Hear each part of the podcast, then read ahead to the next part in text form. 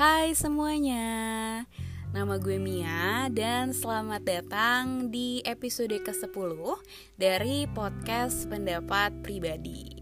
Nah, eh, di episode hari ini, as always, gue akan mengangkat topik yang berhubungan dengan kehidupan dan juga berhubungan dengan masalah uh, problematika manusia gitulah ya. Walaupun sebenarnya episode sebelumnya itu episode ke-9 itu kan gue minta pendapat dari netizen. Nah, kalau misalnya untuk episode hari ini kita nggak ada pendapat dari netizen dulu gitu ya, teman-teman, tapi mungkin next next podcast gue akan minta pendapat netizen juga sih karena seru banget gitu melihat berbagai cara pandang atau berbagai perspektif orang-orang dalam sebuah topik. Gitu, topik yang sama atau tema yang sama. Cuman untuk kali ini gue tidak ada netizen dulu nih ya, seperti biasa gitu, sendiri dulu.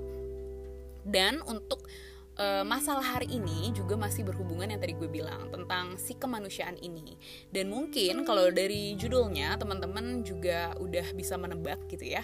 Jadi gue bacakan dulu nih judul podcastnya kan there's always two sides to every story nah maksudnya apa sih? Jadi sebenarnya emang gue kadang suka sok-sok quotes aja gitu ya. Judul-judulnya tuh sok quotes gitu. Padahal ya sebenarnya kalau di bahasa Indonesiain intinya gue cuman pengen membahas di podcast kali ini bahwa saat lo melihat ada suatu masalah atau mungkin ada problem yang terjadi di diri lo ya lo harus ngeliat problem tersebut itu dari minimal dua sisi jadi jangan sampai nih kalau lo lagi ada problem sama orang lain dan lo tuh cuman mau ngelihat dari sisi lo aja kayak gimana gitu. Padahal sebenarnya ada sisi orang lain nih yang mungkin ribut sama lo atau punya masalah sama lo dan mungkin ada sisi-sisi lain juga kalau memang masalahnya melibatkan lebih dari dua orang kayak gitu. Eh dan serius banget ya sayang. Tapi nggak apa-apa.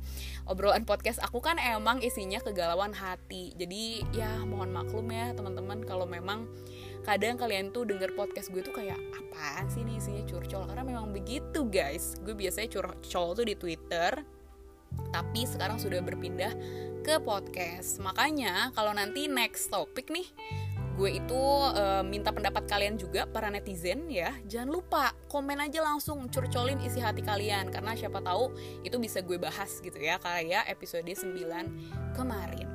Gitu dan untuk hari ini kita langsung masuk aja nih ke topiknya yang tadi gue udah sempet briefing juga di awal ya, udah gue kasih intro gitu.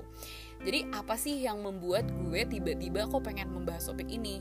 Ya as always, karena memang akhir-akhir ini gue tuh overthinking gitu loh masalah ini. Kadang tuh gue bingung, kalau misalnya ada masalah ya, mau itu problematika di dunia ini gitu, ataupun problematika antara gue dan orang lain, atau gue ngelihat orang lain dengan orang lain lagi gitu kadang tuh kita tuh cuma ngelihat dari satu sisi. Padahal kita itu tahu kan dalam suatu masalah yang melibatkan dua pihak atau lebih mungkin pasti ada sisi-sisi yang lain juga. Kayak gitu. Contohnya deh misalnya gue berantem nih sama orang. Nah pasti dari sisinya sisi gue pun ya ada salahnya gue mungkin. Tapi dari sisi dia pun misalnya ada salahnya dia. Tapi kan terkadang ya kita sebagai orang yang lagi ribut kita pengen sisi kita gitu yang menang. Kita pengen ego kita gitu yang menang. Padahal kita juga harus mempertimbangkan nih kalau dari sisi orang lain gimana sih? Nah kalau misalnya itu kan di diri sendiri. Kalau di orang lain contohnya deh teman kita ribut nih sahabat kita ribut. Anggaplah ribut sama cowoknya gitu ya terus kita sebagai teman-teman cewek biasanya kita bakal dukung teman kita yang cewek ini dong. Kayak bakal dukung iya ya laki lu yang salah gitu cowok lu yang salah pacar lu yang salah. Padahal mungkin aja dari si sisi pacarnya pun mungkin mungkin misalnya ada sisi yang kita nggak ketahui yang sebenarnya salahnya bukan cuma di pacarnya doang tapi juga mungkin di teman kitanya nih atau di sahabat kitanya. Nah gue tuh lagi ngerasa terkadang di dunia ini sering banget terjadi kayak gitu. Kayak misalnya ada dua orang berantem nih terus teman-teman di sekelilingnya ke sekelilingnya tuh ikut ngeributin. Padahal yang di luar masalah itu tuh seharusnya lo nggak istilah kasarnya kayak lo nggak berhak untuk memiliki opini mengenai masalah tersebut kalau lo nggak tahu dari kedua sisi. Aduh gila jadi deep banget ya maafin. Nah di sini juga gue akan kaitkan dengan beberapa topik psikologi as always. Jadi kalau di psikologi itu ada banget style atau gaya orang dalam menyelesaikan masalah atau in English itu conflict management styles atau conflict styles kayak gitu. Dan mungkin kalau teman-teman penasaran yang lebih psikologi banget itu kalian bisa searching aja di Google. Nanti muncul kayak lima poin salah satunya tuh ada accommodating terus juga ada apa ya avoiding. Nah itu salah satu contoh konflik management style. Pokoknya ada lima poin. Nah itu uh, kalian bisa lebih searching gitu ya lebih dalam kalau memang penasaran. Tapi yang akan gue bahas di sini ini tuh konflik style dalam tiga poin aja gitu. Dan ini mungkin bukan yang lebih ke teoritis kayak yang gue sebutin tadi. Ini tuh gue kalau nggak salah baca juga di beberapa website gitu ya. Jadi uh, konflik styles yang akan gue bahas itu di mana ada tiga. Saat orang mengalami konflik atau saat seseorang itu ngelihat orang lain gitulah ya mengalami konflik terkadang kita itu posisinya sebenarnya ada tiga pilihan kita dalam bereaksi gitu ya pada masalah tersebut itu ada tiga. Yang pertama lo bisa bersifat konstruktif atau konstruktif. Konstruktif itu artinya kan membangun ya. Jadi kalau lo ada masalah ya lo harus menyelesaikan masalah itu dengan dewasa. Lo harus e, membangun solusi lah istilahnya kayak gitu. Kalau itu yang konstruktif. Sementara yang kedua ada lawan katanya. Of course e, deduk deduktif lagi deduktif lah bahasa Indonesia. E, destruktif kan destruktif. Di mana kalau destruktif itu saat orang ada masalah bukannya lo membangun solusi lo malah makin ngeancurin aja tuh hubungan itu malah ngemanas-manasin aja hubungan itu masalah itu lo kasih api. Istilahnya kayak lo kompor-komporin dah biar makin ribut gitu ya. Karena kan netizen suka keributan. Sama kayak saya. Saya juga agak-agak suka keributan. Canda sayang. Nah kalau di poin ketiga itu stylenya adalah avoiding. Kayaknya teman-teman juga tahu terkadang sebenarnya saat orang punya masalah sama orang lain itu nggak semerta-merta kita selalu konstruktif atau nggak semerta-merta kita selalu destruktif. Ada juga kalanya kita ya udahlah gue menghindar aja dari masalah ini pura-pura masalah ini tuh nggak ada. Kayak gitu. Dan menurut gue dari ketiga style tersebut sebenarnya pasti ada positif ada negatifnya juga. Tapi pasti kalau yang konstruktif itu otomatis ya positif dong. Karena namanya ada masalah gitu ya ya pasti harus dibangun solusinya, harus diselesaikan. Tapi terkadang kita juga sebagai manusia suka mengada-ngadakan masalah. Jadi sebenarnya tuh lagi nggak ada masalah, nggak ada problem, tapi lo ada-adain aja, lo bahas aja gitu. Jadi kayak kedoknya konstruktif, padahal sebenarnya itu emang lagi nggak ada masalah gitu loh. Cuman ya intinya sih konstruktif secara keseluruhan positif gitu ya guys. Cuman ya tadi gue paham kenapa banyak orang terkadang juga memilih style yang destruktif. Jadi saat lo ada masalah sama orang nih uh, instead of lo membangun solusinya apa mencoba menyelesaikan lo memilih buat ya harus gue ributin nih harus gue selesain dengan panas nih. Gue juga paham sih kalau misalnya ada orang yang mengambil jalur destruktif ini. Contohnya pasti gue gue juga pasti pernah mengambil jalur destruktif ini Nah, sedikit curahan hati gitu ya. Kalau gue pribadi, kapan sih momen gue biasanya mengambil style destruktif ini? Kadang sih gue uh, pakai style ini saat gue udah bener-bener enak banget nih. Misalnya gue ada masalah nih sama seorang lah ya. Dan sebenarnya masalah gue sama seseorang ini tuh udah banyak. Jadi sebenarnya gue udah sering ada masalah-masalah kecil sama dia sampai akhirnya pada suatu titik sampai uh, pada titik peak poinnya gitu ya titik tertingginya gue udah bermasalah sama dia akhirnya gue meledak. Padahal mungkin masalahnya tuh sepele. Cuman karena kita mengingat masalah-masalah yang sudah pernah ada lah ya sebelumnya itu dikumpulin dikumpulin dikumpulin lama-lama menjadi bukit nah meledak deh tuh. Dan akhirnya gue memilih deh tuh jalur si destruktif ini gitu. Dan memang kenapa sih kok walaupun udah eh, menumpuk kok malah makin diparahin malah makin didestruktifin. Kenapa sih? Nah kalau dari pandangan gue sendiri sebenarnya saat seseorang e, memilih jalur destruktif itu karena seorang itu tuh pengen kayak ngasih pelajaran. Kayak tadi deh misalnya gue ada masalah sama orang. Sebenarnya nih orang tuh udah sering salah tapi gue maafin gue maafin gue maafin sampai suatu saat meledak karena udah terlalu banyak gitu loh salah dia lah istilah kasarnya gitu. Dari sisi gue ya ini dari sisi gue loh. Misalnya dari sisi gue udah udah banyak banget salahnya. Nah gue biasanya pilih destruktif karena gue pengen dia itu berubah. Karena kadang kalau orang dicari solusinya doang ya udah nih solusinya apa? Solusinya ini. Ya udah dia bakal mungkin nurut mungkin oh ya udah deh solusinya ini kita mencoba selesaiin baik-baik. Tapi terkadang mungkin aja terjadi. Tapi kalau kita udah pernah ada di fase destruktif nih ya saat menyelesaikan masalah dengan orang lain itu kan pasti ada poin di mana kita meledak-ledakan anggaplah kayak gue nggak suka nih lo kayak gini lo nggak suka. Bener kita udah ngeluarin perasaan kita belak belakan gitu ya. Dan biasanya kadang itu bagus juga gitu biar istilahnya itu tidak ada yang di apa ya dibilang tidak ada yang disensor-sensor lah. Ini nih perasaan gue yang seada-adanya tuh ini gue sebenci-bencinya tuh kayak gini. Jadi gue nggak sugarcoat everything gue nggak sugarcoat apa pun ini the real perasaan gue gitu. Kan ada juga kan yang kayak gitu kalau menurut gue di sisi destruktif ini kadang perlu digunakan untuk orang-orang yang batu gitu. Karena kalau diselesaikan baik-baik antara diulangi lagi biasanya atau ya udah uh, keluar kuping kiri keluar kuping kanan eh apa sih? Pokoknya pakai pepatah itulah keluar kuping-kuping gitulah ya. Nah itu terkadang gue mau nggak mau gue menggunakan fase destruktif tapi kalau misalnya gue udah mencoba konstruktif kalau misalnya ujungnya selesai oh berarti orangnya dewasa. Ya udah kita selesaikan. Tapi kalau misalnya gue udah kelar konstruktif ada masalah lagi gue gunain destruktif tambah parah biasanya memang e, mau nggak mau cara terakhir yang bisa kita gunakan adalah avoiding.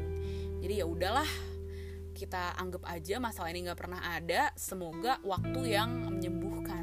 Dan tapi kadang gitu gue ngerasa kalau lu ada masalah sama orang tuh ya kadang emang kagak bisa diselesain. Yang ada kalau misalnya diomongin antara ya lo iya iya aja semoga kita nggak terulang lagi problemnya atau memang ya udah lo ngomong suka-suka lu deh. Gue sebenarnya nggak terlalu dengerin juga pendapat lo kan ada juga yang kayak gitu kan. Ya ujung-ujungnya kadang kita avoiding. Karena pasti kalian pernah mikir gini deh misalnya beberapa tahun yang lalu saat lo SMP SMA atau kuliah lo punya masalah nih sama orang. Pas lo pikirin lagi sekarang nih di detik ini lah ini uh, masalah gue sama temen gue waktu gue SMA atau waktu gue kuliah kayak bodong juga ya masalahnya kayak sebenarnya masalahnya nggak penting penting-penting banget juga ya.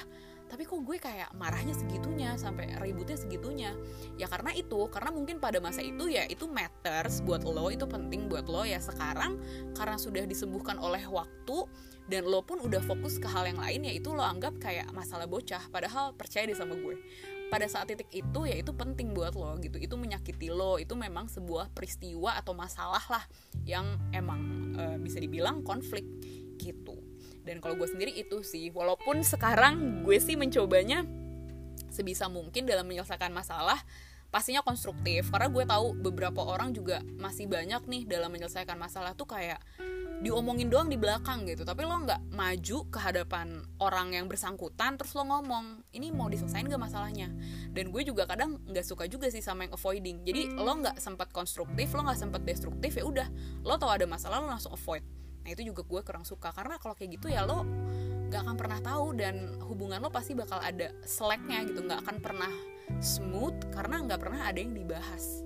Kayak gitu sih kalau menurut gue ya. Jadi ya kadang ada destruktif ya memang harus ada gitu loh untuk suatu saat menjadi konstruktif. Dan gue ngerasa juga gitu nih kalau kita bermasalah sama orang lain atau at least kita ngeliat orang lain punya masalah sama orang terkadang kita itu apa ya lebih ngelihatnya ke satu sisi doang anggaplah sahabat kita nih yang bermasalah ya udah kita ngelihat dari sisi sahabat kita aja nih. Padahal siapa tahu sebenarnya sahabat kita pun ada salahnya gitu loh dibanding sama si lawannya ini nih atau yang ada konflik sama dia. Sama kayak diri kita deh. Kalau diri kita ada masalah sama orang lain pasti kita akan ngerasa diri kita yang benar. Padahal mungkin kalau dilihat e, dari sisi lain nih sisi orang yang punya konflik sama kita mungkin kita juga ada salahnya nah itu sih yang gue tuh pengen gitu ya kayak remind ke orang-orang berkali-kali bahwa please please saat lo punya masalah sama orang maupun itu masalah pribadi lo atau lo itu masalah teman terdekat lo keluarga terdekat lo please lihat dari dua sisi. Bahkan kalau konfliknya itu melibatkan lebih dari dua orang please lihat lebih dari dua sisi. Please lihat lebih dari banyak perspektif. Jangan sampai lo tuh menjadi orang yang istilahnya apa ya terhasut gitu loh tanpa lo tahu yang sebenarnya terjadi itu apa. Anggaplah lo ngeliat dua orang berantem. Iya sih si ini sih orangnya kadang-kadang emang gini. Si ini sih emang kayak gini. Daripada lo berspekulasi berasumsi walaupun itu wajar ya dalam hubungan manusia untuk berasumsi. Tapi kayak coba deh pahami dari kedua sisi. Dan kalau udah paham kalau itu bukan masa lalu ya lo mencoba netral dan lo mencoba menjadi peran ketiga lah untuk mereka menyelesaikan masalah dan menjadi konstruktif ataupun kalau memang itu masalah orang lain ya udah lo nggak usah ikut campur lah istilahnya. Dan lo nggak usah membela juga nggak usah take sides gitu loh kalau menurut gue ya. Gue pun lagi mencoba kayak gitu. Jadi kalau gue anggap ada temen gue nih mau beribut gitu ya kenapa agak gagap? Ribut sama orang gue sebisa mungkin pastinya dalam secara uh, masalahnya gue nggak akan take sides. Tapi gue bakal ngedukung orang terdekat gue dong pastinya untuk selalu kuat gitu saat dia ada masalah gitu sih. Tapi jangan sampai lo take sides lo ikut membenci orang yang sahabat lo benci yang kayak gitu-gitu loh. Karena menurut gue itu nggak make sense apalagi kita udah dewasa. Kita tau lah manusia itu nggak ada yang pure. Nggak mungkin ada mas manusia yang sepenuhnya itu nggak salah. Itu nggak mungkin. Pasti at least sedikit aspek di dirinya itu ada salah. Bahkan maka dari itu gitu ya terjadinya konflik. Kalau menurut gue sih gitu sih dan sebenarnya untuk membahas konflik kayak gini seru banget sih kalau bawa netizen atau gue bawa teman gue gitu ya. Jadi mungkin di beberapa podcast ke depan kalau gue ada kesempatan dan covidnya nggak separah ini dan memang gue aman juga gitu ya gue juga pengen sih sekali-kali ngundang teman-teman gue gitu ya untuk featuring di podcast ini untuk ngobrol masalah-masalah kehidupan. Karena kalau dari sisi orang lain tuh seru ya dari sisi gue doang tuh kayak ya udah cuman gue doang mungkin yang setuju atau beberapa kalian yang dengar setuju. Tapi kan kalau dari dua orang kita bisa comparing kan gitu. Jadi mungkin next podcast bisa featuring netizen lagi atau bisa featuring teman-teman aku. Jadi guys yang pengen featuring sama podcast aku please bilang ya karena gue suka banget buat ngobrol sama orang hal-hal kayak ginian. Nah kalau kalian sendiri gimana guys? Kira-kira kalian tipe konflik style sih kayak gimana sih? Tipe konstruktif lah konstruktif kah destruktif kah atau avoiding? Nah coba kalau mau diskusi please uh, hit me on my DM selalu open pastinya untuk membahas konflik-konflik kemanusiaan dan kehidupan. Oke untuk sesi episode 10 kali ini sudah sampai di situ aja. Semoga teman-teman yang dengar mendapat sedikit insight dan semoga abis dari sini kalian dalam menghandle masalah jangan lihat dari satu sisi aja ya. Please itu masalah pribadi maupun bukan lihat dari dua sisi yang berbeda. Oke okay, see you on the next podcast guys. Bye